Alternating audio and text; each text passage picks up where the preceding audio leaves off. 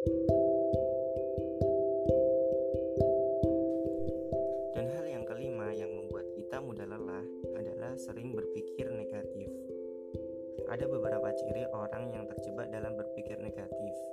Yang pertama, yaitu menyalahkan diri sendiri atas kemalangan apa pun yang menimpa kita, sampai-sampai kita menganggap diri kita bodoh, tidak becus, dan ceroboh. Daripada pikiran seorang nyalahin, mending pikiran orang digunakan untuk mencari solusi. Iya kan? Nah, yang kedua yaitu menyalahkan orang lain dan menyalahkan keadaan sekitar. Dan biasanya orang yang berpikiran negatif pasti akan melakukan itu. Dan hal yang ketiga ini pada hal yang paling krusial yaitu menjadi pribadi yang pesimis.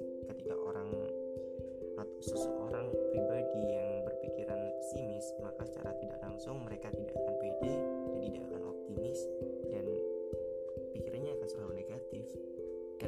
semua itu tergantung pada pikiran kok.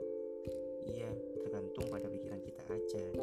Kalau kita membiarkan pikiran negatif itu datang, ya kita pasti bakalan kepikiran negatif terus. Maka dari itu, kita sepatutnya selalu pikirkan yang positif